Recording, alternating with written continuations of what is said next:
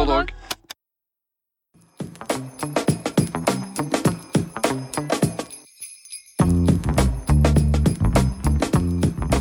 Kafkaesk, eller kafkask, det er et ord du kanskje har hørt på et eller annet nachspiel fullt av ambisiøse unge tenkere. Eller på P2, hvor glupe akademikere bruker ordet som en litt sånn fancy substitutt for ord som egentlig betyr skummelt, byråkratisk eller bare merkelig. Ordboken i alle fall definerer kafkask eh, som absurd, byråkratisk, uhyggelig, uvirkelig. Og det ordet det stammer fra den mesterlige tsjekkiske forfatteren Frans Kafka. Og han har hatt en vanvittig stor innflytelse, ikke bare på litteraturen, men den moderne verden. Kafka ble bare 40 år gammel. Han døde av tuberkulose i 1924. Og han ga ut noe mens han levde, bl.a. den svært kjente novellen Forvandlingen. Men det meste av det vi kanskje kjenner Kafka for, det kom ut etter hans død. Blant annet hans tre romaner Slottet, Amerika og Prosessen. Og der, det ordet, Prosessen, det er denne boka vi skal snakke om i dag. Denne fortellingen om en mann som plutselig blir arrestert, tilsynelatende uten forvarsel, og som ikke får vite hva han er tiltalt for. Den historien den har satt sitt spor i kulturen. Det er historien om mannen mot systemet, mennesket mot maskinen i form av byråkratiet. Og I dag har jeg med en gjest, Jon Erik Riley. Han har nylig lest om igjen prosessen, og han har gjort seg noen tanker. Altså, Vi skal snakke om hvor relevant Kafka er i dag, og hva vil det egentlig si at noe er nettopp kafkask? Ja, og Hvorfor blir vi egentlig aldri ferdig med prosessen, en roman som er skrevet for over 100 år siden? Ja, vi går rett på sak. Du hører på Boka er bedre. Mitt navn er Andreas Weier-Osvold. Boka bedre, er bedre. Dagens gjest er mange ting. Han er redaksjonssjef for skjønnlitteratur i Cappelen Dam. Han er fotograf, han er Star Wars-fan, og han er ikke minst forfatter. Av noveller, essays, romaner, reiseskildringer og kortprosa i bøker som Mølleland, San Francisco, Det jeg var, Øynene i ørkenen og den gigantiske og episke romanen Heimdal, California. Og her kombinerer han tekst og bilde og eksperimenterer med form og sjanger på utrolig mange forskjellige spennende måter. Men jeg babler hjertelig velkommen John Erik Riley. Takk. Hyggelig å være her. Jeg har lyst til å starte med å høre litt om hva Altså, vi skal snakke om prosessen. Hva Kan du fortelle litt om denne boka? Hva den handler om? Ja, altså eh, Jeg valgte boka litt tilfeldig. Eh, Jeg hadde jo lest den for mange år siden. eh, To ganger, vel. En gang for egen maskin og en gang på studiene. Og så har vi jo vært gjennom en eh, ja, en langvarig prosess hvor reglene endrer seg. Så det er mange som ikke vil snakke om pandemien lenger, for det er sånn kjedelig og old news, men det er ikke så himla lenge siden. Og så skulle jeg til USA igjen og begynte å tenke på så, «Oi, har jeg glemt å fylle ut skjema. altså hele den, Det apparatet som var der før. Sånn, Hvis jeg skal reise, så må jeg gjøre de tingene, og hvis jeg skal på konsert, så må jeg holde den avstanden. Hele det apparatet plutselig dukket opp igjen, så, så sto ved bokhylla og sa ja, den tar jeg med meg. Så på reise Ah, til California Jeg begynte på den før jeg dro, så leste jeg ferdig mens jeg var der borte. er det litt typisk sånn at du kan velge bøker litt sånn bevisst basert på sånn sånn type situasjoner? Det, er mer sånn faktabok. uh, altså da, da velger jeg fordi jeg skal lese om stedet jeg skal Ja. til. og sånn. Men nå uh, var det et utslag av at jeg har ryddet og måttet luke i bokhylla. Ja. Og jeg og kona vi, kan, vi har fortsatt tre utgaver av Hamlet. Da. Altså det er sånn, plutselig, vi, vi finner masse som har ligget i kasser. Fordi vi har arvet noen bøker eller uh, kjøpt en Altså jeg har I perioder når jeg skriver på noe ikke klarer, og ikke klarer å finne et sitat, så må jeg på biblioteket. Og av og til er den boka utlånt, og da må jeg kjøpe den boka. Så jeg har to utgaver av en Sus- Susann Sontag-bok av den grunn. Ja. Sånne ting. Men nå begynner jeg å luke og gi bort, og jeg bruker disse telefonkioskene. ja, du gjør det? Jeg, jeg skulle sp- til å spørre. Men tar du med deg noe da, eller er det bare Jeg er nok først og fremst en leverandør. Ja. Du Råvareleverandør. legger fra deg boka, snur deg, bare går fort bort? Ja, prøver, ja. Men de brukes mye. Ja? Ofte når jeg står der og rydder og setter ting på plass, så er det en person bak meg i køen da, Ja. som skal ringe til litteraturens verden. Ok, for Du nevnte jo en sånn prosess, eh, altså dette med ja, Vi kommer jo litt inn på dette her, hva, hva Kafkaesk og Kafka-prosesser er. og sånn, men Kan du fortelle litt om hva, hva handler prosessen Ja, ja det spurte du om, men da utsatte jeg deg for en prosess, for jeg glemte å svare på spørsmål. men eh, ja, altså det er Josef K. som våkner en uh, Han utsettes for en arrestasjon, men han blir ikke tatt noe sted.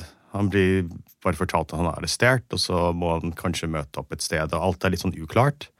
Og det fører til en litt sånn nesten sånn slapstick-aktig scene i begynnelsen, hvor han blir ja, altså motsette seg dette verbalt i veldig stor grad, og er veldig sånn vital og uh, anklagende overfor disse menneskene som har dukket opp. Uh, hvorav den ene heter for øvrig Frans. Så det, Ja. allerede der så begynner man å lure på, som leser, er dette noe som skjer, eller er dette noe i en slags parallell virkelighet? Og det er noe man holder fast ved gjennom hele boka. Okay. Altså, alle de tingene som skjer når han møter advokater og andre for å renvaske seg selv, eller tror de skal hjelpe, han tror at de skal hjelpe han, og etter hvert blir mer og mer oppgitt. Uh, når han utsetter seg selv for denne prosessen, da, etter hvert som han etter hvert som den skrider framover, så vet man aldri helt hva som er hva. Nei. Uh, og det skjer allerede Det er mange tegn på det i den første scenen. Blant annet så sier han ene uh, til eh, Josef K at du burde tenke mindre på hva du skal gjøre, og mer på deg selv. Det, det er en eller annen sånn formulering, da. Men derfra og ut så er det da egentlig en slags sånn Nesten sånn etappeløp innom forskjellige poster. Uh, hvor da enten folk kommer på besøk, eller han reiser steder. Han prøver å finne ut av hva er det han er anklaget for. Ja, og, og hva den skylden hva, hva, hva som er den grunnleggende greia. Og ikke overraskende hvis man ikke har lest denne her og ikke kjenner den så godt. Så, altså, den har hatt enorm innflytelse på uh, eksistensialisme, Albert Camus, altså de Alt som handler om at altså, du må se hva, altså, du må se på din egen situasjon, og hva du kan forandre innenfor den lille kassa der. Og, og Josef K. er et veldig veldig godt eksempel på det. da. Samtidig som han er en fullstendig ustabil, egentlig litt irriterende figur. Så, Ja, Men så kan man jo skjønne at han f.eks. i første scene eh, Vi kan jo lese Jeg kan jo lese litt av dette her. Man kan jo skjønne at han reagerer sånn her, for hvis eh, noen kom og anklaget meg eller skulle anholde meg, og jeg ikke fikk vite hvorfor, så ville jeg kanskje an reagert på denne måten. Skal vi se.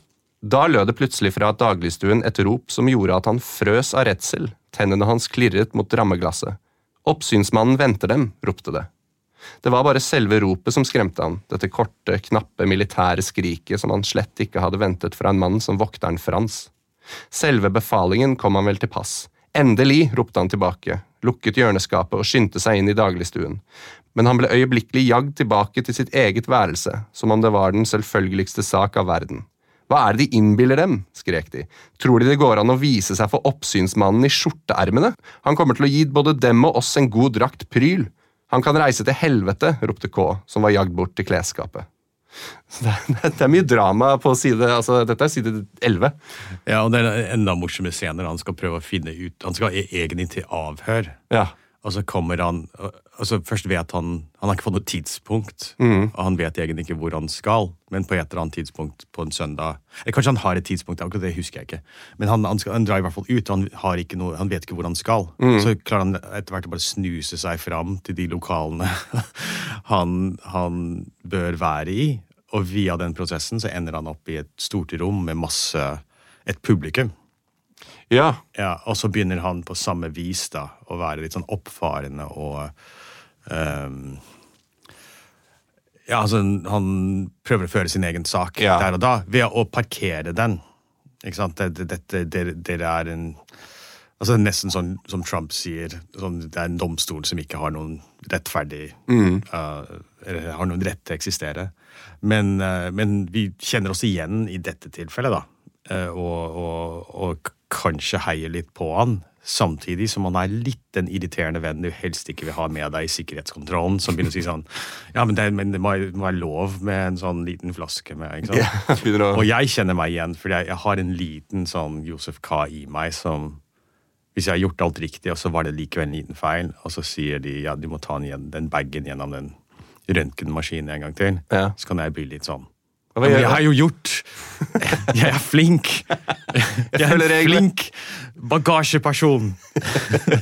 Jeg ble også sånn, jeg følger reglene, men jeg blir veldig sur hvis de liksom Hvis de er uhøflige da, når jeg gjør alt riktig. Da, blir jeg, da kan jeg motsette meg litt. Så er, vi har kanskje en liten eh, K eller K. Hva sier man egentlig? Er det, jeg, det er K, men Jeg tenker alltid Josef K, jeg, men det er jo Josef K må det være. Ja. ja. Så ikke sant, vi er forvirret. Dette er Ja, jeg, Kafka. jeg, tenker, ja, Josef, jeg har alltid tenkt Josef K, men det er kanskje fordi Det står er bare- tysk, da. står bare tysk, jeg tenker på tysk, ja. Ah, du tenker på tysk. Kanskje det er ja, K? Ja, jeg vet ikke. ja, Josef K. K eller K, samme kan det være. Um, men jeg har lyst til å snakke litt om uh, kafkaesk eller kafkask eller Kafka-prosessen. Disse begrepene som har jo entret uh, ordbøkene, uh, og i Merriam Webster så står det at kafkaesk er et adjektiv som betyr uh, having a nightmarishly complex, bizarre Altså en ting som har en nightmarishly complex, bizarre or illogical quality. Uh, og så brukes det som eksempel i et byråkratisk eller sånn Bureaucratic delays. Uh, ja, så, så, så dette med at man Det er et stort system som selv, holder seg selv i gang, på en måte. Men hvordan forstår du uh, dette, dette begrepet kafkask eller kafkaprosess? Jeg tror det rommer to ting. Altså, på den ene siden så Man kan lese i aviser i Norge om en Kafka-prosess. Jeg er utsatt for en Kafka-prosess, og veldig mange bruker det. Da tenker man mer på selve det det som skjer i den fysiske verden. At man opplever seg urettferdig behandlet, eller man må levere såpass mange skjemaer at det blir litt absurd, og så er det feil skjema likevel. Ja, veldig mange sånn Nav-erfaringer som folk har hatt, ligner på det. Eh, men også politikere, når de er utsatt for rettmessig kritikk, kan kalle det en Kafka-prosess, eller kan, det kan beskrives som det av kommentatorer. Men det det kafkaeske er nok noe mer sånn uvirkelig, og jeg nevnte jo innledningsvis dette med at han holder litt fast på den usikkerheten på hva som skjer Nå tenker jeg på Kafka, da. Altså hva som egentlig skjer i verden, denne bok, dette bokuniverset, Ja. og hva som skjer i hodet til hovedpersonen. ja, for det er jo ikke åpenbart alltid. Nei, det er det ikke. Um, og samtidig så har boka i like med mange myter og uh, folkelivsskildringer og ting som er fortalt mange ganger. Det har en veldig, spes, altså veldig skjematisk logikk. Sant? Han, etter hvert så møter han en kunstner, og kunstneren har atelier helt motsatt ende av det kontoret han besøkte i begynnelsen. Altså det, er, det er veldig mye sånt i boka. Uh, så jeg vil si det, det, det derre unheimlige uh, Altså den Eller uvirkelige. Og den følelsen av at den virkeligheten man bor i, kanskje ikke helt henger sammen som man tror. Ikke Og det er alltid noe bak den ene veggen, eller på utsiden av noe, Ja. som egentlig bestemmer. Om det da er en domstol eller noen andre krefter man ikke vet hva er. Ja. Og, han, og forfatteren var jo jødisk, og det er en del sånn kabbalisme i den fortellingen. også Veldig mye sånn Mystisisme, ja, liksom. ja, mystisisme. Og, og mot slutten så er det noen parabler som han må bli bedt om å fortolke av en prest. Ja. Sant? Så det er, det er alltid nye lesemåter i boka, på samme måte som det er i verden. Mm. Ja. Man bruker ordet, ordet kafkaisk, Da, Ja. Eller kafkask. Og når det kommer til Kafka selv, så som du sa, så var jo han jøde, og, og selv han, han døde jo i 1924, og selv da var det jo tøft å være jøde i, um, i Tsjekkia. Uh, og, og også um, Han var jo uh, in, eh, forsikringsagent, blir vel kanskje en riktig oversettelse? Ja, det er i hvert fall det jeg har lest meg. Han jobbet i et forsikringsselskap, og så kunne han slutte tidlig, så vidt jeg husker. Så han hadde mye tid til å skrive. Ja, ja det kan vi jo vi i ettertid. Han kom fra en middelklassefamilie og, og, øh, og sånn. Eh, men mesteparten av det vi leser i dag, i likhet med denne boka, det ble utgitt etter hans død. Mm. noe av det ble utgitt før. Og denne boka er også uferdig, og det er en del av gleden ved å lese den. Ja. Uh, altså, det, det, her er vi inne på en av liksom, den moderne litteraturens store myter. At han ba om at alt skulle brennes, og så var det Max Brod som venn og redaktør som nektet å gjøre det, da. Eh, og som nesten er et begrep i redaktørverdenen. Jeg vil ikke være en Max Brod, eller kanskje vi skal være det denne gangen. Eh, så da når man leser boka, så er man selv i en slags labyrint da, hva er det Kafka egentlig ville. For den består av veldig merk, altså underlige bruddflater. Og det er, enorme, altså det er veldig mange personer i boka. Ja. Ikke sant? Det er sånn, I det ene kapitlet så møter vi disse som er på besøk. Så er det frøken Bryntner, heter hun vel. Og så er det hun som er huseieren, eller Ja. ja, og så i et annet kapittel så kommer en onkel på besøk fra landet, så redde Josef har hørt om denne saken. Så er det maleren. altså I løpet av en 200 sider så har man møtt eh, et stort persongalleri. Hvorav nesten alle hjelper eh, Ingen hjelper han, egentlig. Og noen gjør saken enda verre. Men mellom de Man kan av og til lure på så hadde han tenkt at det skulle være noen bedre overganger her. ja, det kan man jo lure på. Ja. Så du, som, du er jo redaktør, Ja. eller forelegger, eller hva man kaller det. Men, eh, så du vet jo dette at eh, et manus kommer jo ikke inn eh, fiks ferdig klart til utgivelse. Det er mye som skal bankes på plass og få oss ut og få oss inn. Um, men som du var inne på, da, Kafka, mye av det vi kjenner Kafka, fra Kafka i dag, ble jo gitt ut etter hans død, men har fått enorm suksess, altså enorm plass i litteratur og vår delte historie, rett og slett. Det er jo ikke alltid tilfellet. Um, men, men noen ganger så altså sånn, Jeg tenker på sånn Roberto Bolanjo og sånn. Han, han også fikk jo stor suksess etter sin død med et verk. Men hva er det som skiller de der, eh, forfatterne som på en måte hvor, hvor verket overlever litt mer? Eh, Og de som eksempel, hvis du har en Nabokov, da, som hans verker som er utgitt etter hans død, har ikke fått like god medfart. Da tenker jeg de, de to altså For det første så må det være veldig bra på et eller annet vis, eller setter fingeren på noe. Eh, så det er det åpenbare svaret. Uh, og så er det en viss sånn Cobain-effekt, må man kunne si, da. Også med forfattere. Det er litt ubehagelig å måtte innrømme, men sånn er det jo. At uh, man blir veldig nysgjerrig på noe. Ja, dette mennesket altså Fernando Pessoa er et annet eksempel på det samme. Han er liksom mennesket med den store Amerikakofferten full av manus. Uh, skrevet på portugisisk. Men, uh, men Bolaño og Kafka er veldig forskjellige også. Uh, Bolanjos arv er litt vanskeligere å se. Uh, det er den boka han er mest kjent for etter hans altså Du tenkte sikkert på 2666, og, og den, den er helt enormt bra. Men den er ikke like ren og tydelig Nei. som prosessen er.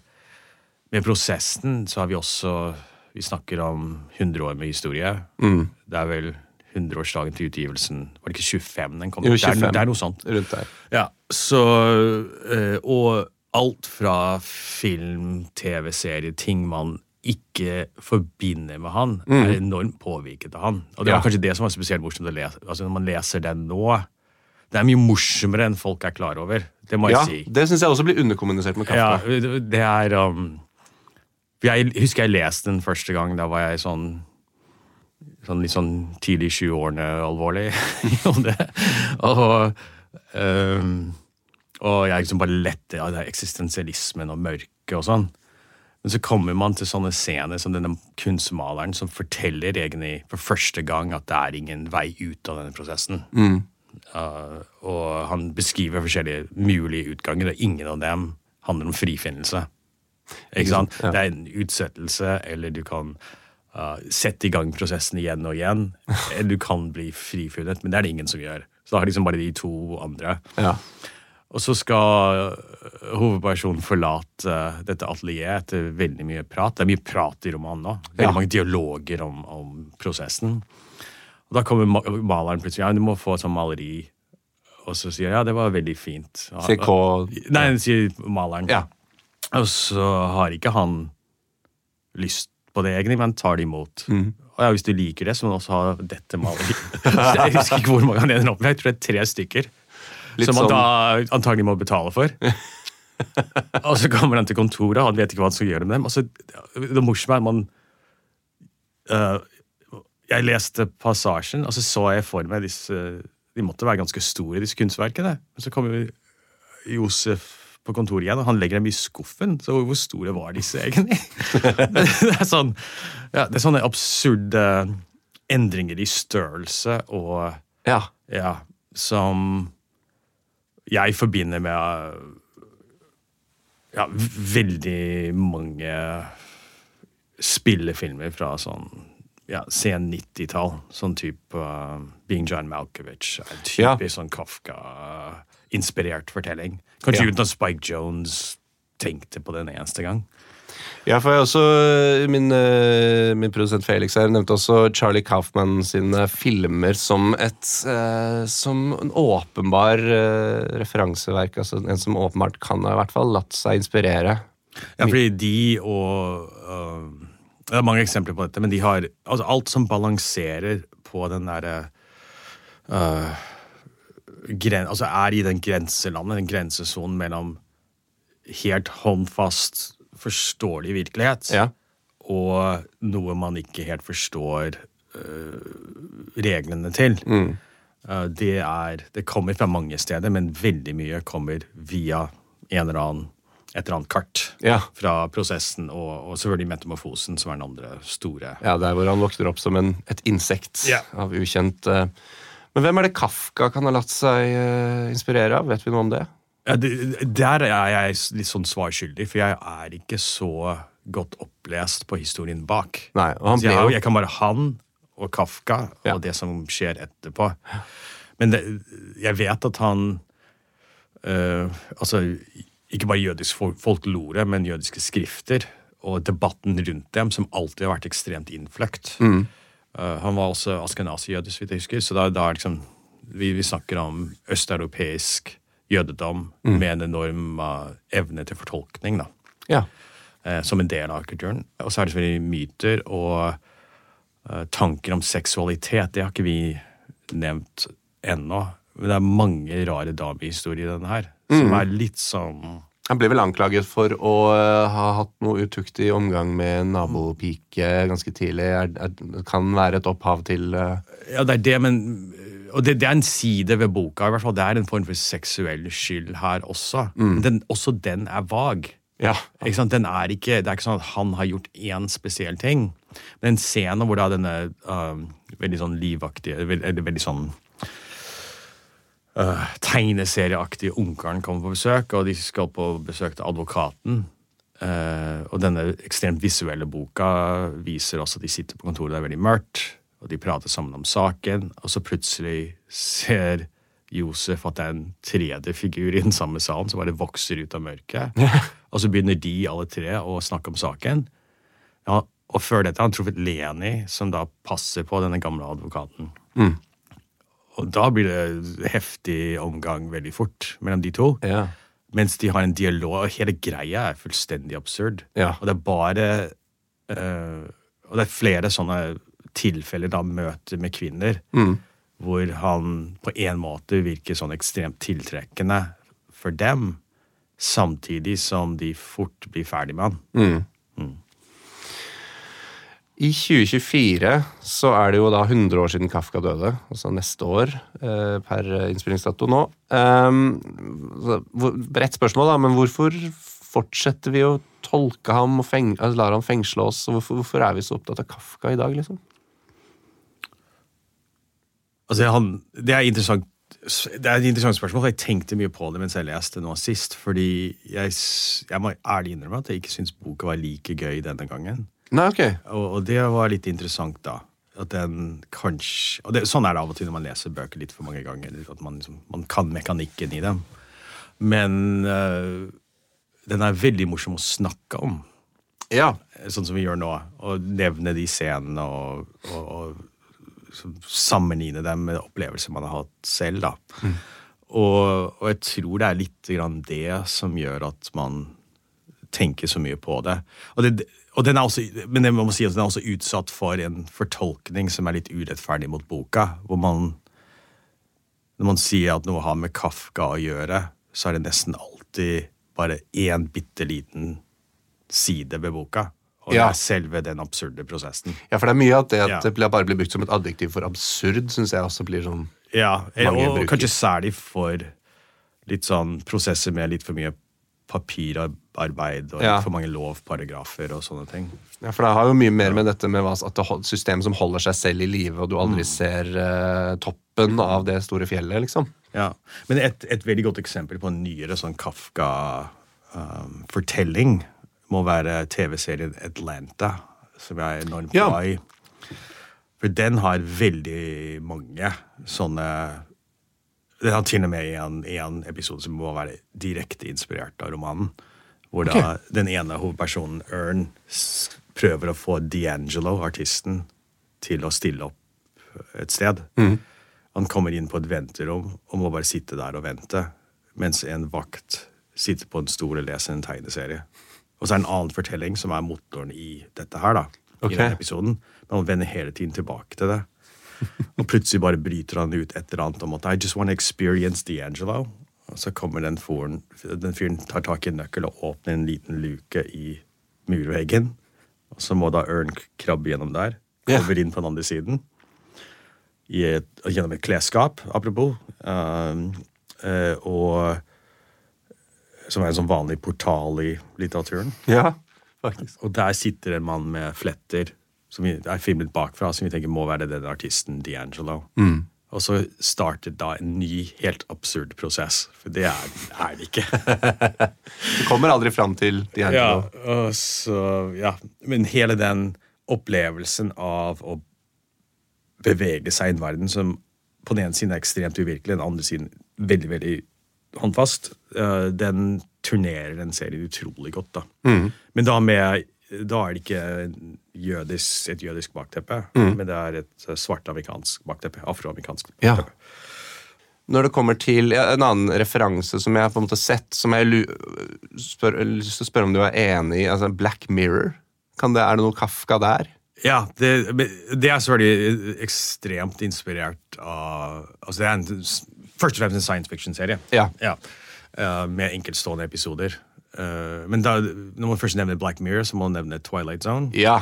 Ikke sant? Og den har flere uh, episoder som er litt sånn Kafka-aktige. da. ja, for det her er det jo scenarioer hvor folk blir liksom fanget i sin egen uh, Altså, det er han som blir fanget, og så er det han eneste mannen på jorden, og så har han Uh, all den tid i verden til å lese, men så knekker brillene hans eller et eller annet sånt. Ja, jeg skulle akkurat nevne den, i og med at dette handler om lesing. Men en annen veldig fin en er en Twilight Zone-episode hvor da det er en enorm kamp om å få tak i gull. da. Og så reiser de Jeg husker ikke akkurat hvordan tidsreisen foregår, men de havner i framtiden. Og så er det en fyr som holder i et gull. så I have gold, I give it to you. All the gold I have. Til disse menneskene i Det er sånn Jetsons-aktige romdrakter. da. Ja. Og så, og så sier hun en, eller han andre at ja, gull, det, var visst verdt noe en gang. Er sånn pussig, Hva skjedde med den fyren? Hvor kommer han fra? Ja. Sånn, hele tiden, ja. Men de er veldig mye mer sånn allegoriske. Der fortellingen handler om X. ikke sant? Ja. Det som er interessant, syns jeg, når man leser prosessen, er at man aldri helt kan spikre den fast til én, én mening. Det, Nei. vi- vi- Hvis jeg skal svare på det spørsmålet du stilte før, hvorfor lever den videre? Det må være det også. Hver gang man leser den, så ser man den fra en annen innfallsvinkel. Ikke sant? At det ikke bare er én ting som er veldig spesifikt, men at det er noe som alle kan kjenne seg igjen i deler av, liksom. Ja, og det, også fordi den For Josef handler dette om å fortolke situasjonen han er i. Han begynner veldig sånn handlekraftig og klar for å rydde denne saken av veien. Og han blir jo mer og mer nedbrutt brutt i løpet av, av, av prosessen. Ja. Det merker man på måten han snakker på, hvordan han håndterer ting. Han blir mer labil. Først skal han sparke den ene advokaten, kanskje han skal beholde den likevel. Det, ja, det er masse sånt som skjer. Og så er det dette med at liksom, denne historiemalen som er liksom mann mot systemet, det går jo aldri av moten. Spesielt ikke i eksempel science fiction. Eller, eh, så, så det vil jo alltid kanskje være levedyktig. En mulig arvtaker apropos science fiction, må være Philip K. Dick, som er for Ja. mange mest kjent som grunnmalen for veldig mange Hollywood-filmer. Ja. Uh, Minority Report er jo som er Tom Cruise uh, har noen Kafka-elementer ved seg. da. Uh, og, og Philip K. Dick, når man leser bøkene, er, han er i skrift når de ikke er gjort om til filmer. I tekstene så er han uh, opptatt av å opprettholde nettopp den usikkerheten på hva som er virkelig, og hva som er i hodet til, til de som opplever det. Altså, når vi snakker om, eh, altså Du er jo eh, en fyr som leser mye, og jeg regner med at det kommer folk opp til deg og spør uh, om du har en bok å anbefale uh, i ny og ne. Uh, hvem er personen du anbefaler prosessen til? Ja, det er nær sagt alle. Ja? Ja, jeg er litt jeg er en litt sånn plagsom person, for når jeg først blir opptatt av en bok, så er jeg det er nesten sånn at jeg løper bort til fremmede på trikken. det er uh, altså der har, altså Min gamle venn Tore Renberg jeg har veldig mye til felles der. da. Vi er sånn, ja. Men jeg tror, altså hvis jeg kan svare på det på et, en litt annen måte, da uh, uh, Jeg tror jeg vil anbefale den for alle som jeg tror vi alle, i, i hvert fall siden et stykke før pandemien, har opplevd at samfunnet og verdenssamfunnet er i såpass stor endring at man våkner hver morgen med 'Å, nei, ikke det igjen'. Det er veldig mange sånne Death to 2020-med-saker Ja. som var litt sånn, da. Hvis man klarer å tenke så langt tilbake som for tre år siden. Ja, det Akkurat det sier litt om virkelighetsforståelsen vår, mener mener jeg, da. Og den er ennå ikke godt skildret, for det er såpass ferskt. Ja. Altså, alle har vært gjennom historiske omveltninger som er altså, vanskelig å håndtere psykisk. Mm. Uh, og, men noen av de disse gamle historiene som kanskje trekker seg litt tilbake, bare viser en konkret situasjon og hvordan man håndterer det som person, Mm. jf. prosessen. Hvis en forfatter som gjør det, det gir, den personen gir oss noen redskaper til å um, forstå uh, Kanskje ikke den verden og de omveltningene som har skjedd, men reaksjonsmønsteret vårt og hvordan vi forholder oss til det. Uh, en annen arvtaker vi ikke har nevnt, så her er vi inne på en av dine favoritter. Uh, oh, Thomas Pynchon. Oh, yes. 'Crying of Light 49' er jo en Prosessen-roman. Ja, absolutt. Altså, for- Denne boka om en kvinne som uh, oppdager at hun er en slags uh, ja, uh, executrix of the estate, hva ville man oversatt det med? Ja, det, så det, da er man uh, Hva heter det? Man, man skal. Arveoppgjøret har man ansvar for. Ja, av en ekskjæreste som er en milliardær. Og så finner hun ut at det er veldig mye som ligger i kulissene. og Sånne selskaper han hadde en finger med i spillet på, som har uh, mystisk Altså, det er et skikkelig sånn skygge, skyggespill. Men i, i den romanen og i Philip K. Dick så er det hvis vi kan ta, De har ganske mye til felles. da. Eh, de er litt tettere på den følelsen av å liksom vandre i byen, og så ser man et eller annet tegn på veggen. Hva er den graffitien der? Og så dukker den samme opp som en logo til et eller annet enormt band. Og så er det sånn, hva kom først? Ja.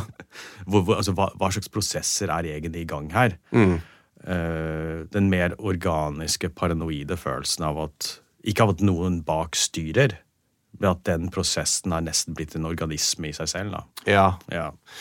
Og, ja, for det, dette, dette ordet, paranoia, det går jo kanskje igjen i alle disse arvtakerne vi har vært inne på, i hvert fall de fleste av dem. Og Kafka, det er jo noe paranoia der også. Det er jo eh, ja, det er det, men samtidig så Altså, jeg vil si at hovedpersonen i prosessen har grunn til å være paranoid. Ja.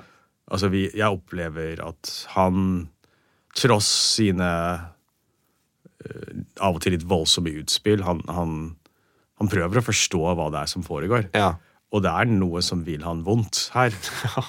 Eh, så hvis det fins en paranoia, så er det bare i hans personlighet. da. Jf. Ja. dette med skjer dette altså Hva er det som egentlig setter i gang dette her? Mm. Er det noe i han som ser verden på en viss måte? Men selve det konkrete med at det fins en domstol, det tror vi på i Ja. romanens struktur. Ja. Eh, du har jo lest den tre ganger, men er, det typ, er dette en typisk roman for det du leser? Jeg vet du leser ganske bredt. Du leser både i arbeidssammenheng og forhåpentligvis litt fritid òg. men er liksom prosessen en sånn Det er litt typisk for de siste årene at jeg plukker opp uh, litt sånn klassikere jeg leste for lenge siden, og som jeg ikke husker så godt. Um, her var det masse jeg hadde glemt. da. Blant annet en scene jeg beskrev den kunstmaleren som jeg synes er fantastisk morsom. um, så det har vært mye av det, ja. Mm. Mm. var- Men du plukker du opp en, eh, en liksom brennhet romanse rett etter det her for å få liksom vasket eh, bort liksom, Tatt litt eh, Vasket øynene litt? Ja, det var akkurat det jeg gjorde. Ja, var det? For nå leser jeg The World in All That It Holds av Alexander Heman. Okay. Bosnisk, Opprinnelig bosnisk forfatter som skriver på engelsk. Du leser den nå? Ja, leser den nå. Den kom i vinter en gang. Ja, den er helt fabelaktig god. Uh, jeg har vel 100 sider igjen. Ja. Uh, den er veldig forskjellig fra prosessen. Mm. Den beskriver en flyktninghistorie fra uh, mordet på uh, Frans Ferdinand, og ut, som utløser Mm. uh, første verdenskrig. Og så er det da to stykker som må flykte videre, og de ender opp lenger og lenger østover. Jeg må ikke avsløre for mye, for det er veldig mange Ja. plot twists i den romanen. Men det er utrolig flott skrevet, og, og et forsøk på å skildre da den mye mer konkrete uvirkeligheten, som er veldig veldig virkelig, med hva som skjer i Øst-Europa, og, og hva som ikke minst skjedde med den eh, forfatteren. Han, han var i Chicago da uh, krigen skudde seg skikkelig til i, uh, i Bosnia, og måtte bare bli der. ja. Uh, og da Han var på ferie, liksom? Eh, nei, det husker jeg ikke. Jeg husker ikke om han var på studietur eller bare Det var et eller annet sånt. Så da ble han flyktning i USA og begynte å skrive der. Og, um, og har gitt ut flere sakprosabøker som jeg syns er de beste. da, Og noen veldig gode skjønnlitterære. Dette er den beste skjønnlitterære jeg har lest av ham. Ja. Og det leser du nå. Hva var det siste du leste, hvis vi skal eh, holde oss unna Kafka, i alle fall, som er verdt å prate om, eller som du syns var skikkelig Altså før disse to, Ja. tenker du på? Det er et godt spørsmål. Hva var det, um, hva var det for noe? Jeg er så veldig i manusbunken for tiden, vet du. er veldig, jeg leser veldig mye som skal ut til høsten. Ja, på ja. Cappelen Dam. du skal ut til høsten. Ja, ja, ja. men eh, ja, men det, er- det, er, det, er, det er mye um, eh, mye bra jeg har lyst til å snakke om der, men det er litt for tidlig, da. Ja. Um, vet du hva, Det jeg leste før um, prosessen, det var en sakprosabok. Var en biografi om Sebald. ja WG, Sebald? Ja, WG Sebald, som kanskje er mest kjent for romanen Austerlitz. Ja. Som har, Apropos, han, det er også noen, han var enormt glad i Kafka. Mm. Så det er noen forbindelser der. Men det, det morsomme med den biografien er at øh, altså kona og det er vel datteren, de ville ikke uttale seg. Så er det biograf. Men de sa, ga sin velsignelse. Okay. Men det var sånn Finne ut av dette sjøl. Biograf. Så da har, har hun da reist rundt og intervjuet alle mulige mennesker som kjente Sebold. Mm. Og han var jo en kronisk løgnhals, viser det seg, da. eh, På alle mulige måter. Både i hvordan han omtalte egen litteratur, hva han hadde erfart som han plasserte i litteraturen og sånne ting. Og likevel så skriver han disse klassikerne. Så det var en ganske underholdende bok. Den er litt vel sånn hagiografisk, som det heter. Altså veldig sånn Som Veldig stor ærefrykt for, for forfatteren, Ja. syns jeg, da. Uh, Det er veldig mye sånn Ja, visst så var han slem mot de 14 vennene og løy til de 25 menneskene, men det ble en bra bok ut av det, da. Litt sånn. Og på en måte så er, er, det jo, er jo det litt sannhet i det også, selv om det kanskje kan være irriterende. Vi For jeg er ikke en som oppsøker altså, Apropos det vi snakket om med Kafka, jeg pleier ikke å oppsøke biografier om forfattere jeg liker. Jeg leser meg litt sånn jeg, altså Skjønnlitteraturen er der og har sin form av en grunn, da. Ja. Eh, og, og det har jeg ofte overlatt litt til andre. Jeg liker å kunne litt rundt forfatterskapet og mennesket, men det er ikke det avgjørende for meg. Det er sitt- Sette meg ned med en helt åpenbart fiktiv roman. Ja, og det er jo egentlig litt sånn eksemplifisert i Kafka, som ikke Han ble jo ikke gammel, han ble bare 40 år ca. cirka. Og hans liv er jo interessant, men det er jo ikke avgjørende for at vi fortsatt leser han. Men eh, kommer det noe ut på, eller er det noe som kommer ut på Cappelen Dam i år som kan være en verdig arvtaker til, eh, til Kafka eller prosessen? Ja, Om det er en arvtaker, vet jeg ikke, men 'Rikt er et folk som har skogen' av Amalie Kasin Erstang Ja. er en bok jeg tenker på med en gang, fordi altså den handler om en slags politisk prosess. Hovedpersonen har flyttet hjem til et lite sted fra en hovedstad ja, i noe som må være Norge. Og så er hun, hun etter hvert ganske opprørt over at de skal bygge motorvei gjennom en skog litt utenfor byen. Og så har ikke hun egentlig et kjempevarmt forhold til den skogen. Uh, det er ikke veldig mange, det er noen minner og litt sånn, og hun liker å gå tur der. Men uh, det som er morsomt med boka, at hun er like nølende kunnskapsløs i møte med systemene som de aller fleste er. Så hun prøver å finne ut av hva kan jeg gjøre, og så må hun liksom ja, hun må legge inn klage på den saken og må liksom følge opp de politikerne. Men så har hun skrevet en utrolig morsom blanding av vanlig bokmål og en del sånne Notodden-vendinger. Og etter hvert så blir hun da mer og mer innviklet i dette her. Og vi ser alle de typiske kommuneprosessene. Ja. Og så begynner liksom litt lei seg for naboen. Han kommer til å miste jobben hvis motorveien ikke blir bygget. Og det vil hun ikke. uh, så den er ikke kafkask. Den minner kanskje mer om ja, er det Los humor, da. ja. Den er veldig morsom, veldig sår også. En helt fantastisk scene hvor hun sitter og Jeg husker ikke akkurat hva hun skulle gjøre i den scenen, men hun sitter med en, en curlapp, og så er det da en dame som hun syns er veldig kul, og så er han i fleecejakken. Hun vil ikke ha han i fleecejakken. Hun, hun, Ja, ja, den jeg, hun må være grei. Hun ser fin ut. Og så får de etter hvert et tettere forhold utover i romanen. da. ja. Så den, den Det kan være litt sånn Kafka, eller det er noe som minner om det. Og så, så mener jeg også er det noe Ja. Han har mye av den samme humoren til Kafka. Han bare gjør den drøyere, eller merkeligere. ja. Eh, Tar det litt lenger ut på mange måter.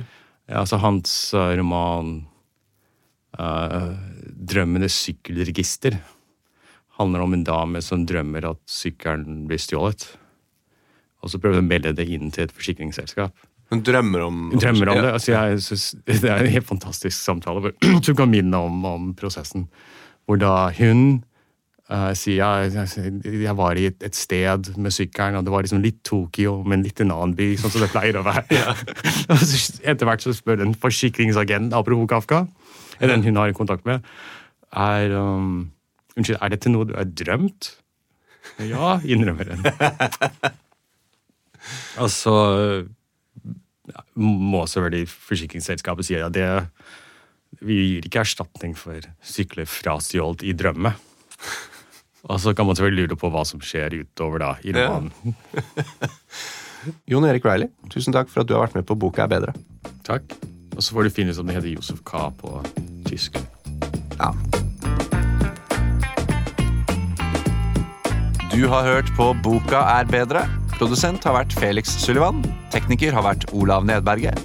Boka er bedre er produsert av både og med Stian Lettesier. Og mitt navn er Andreas Weier Osvold.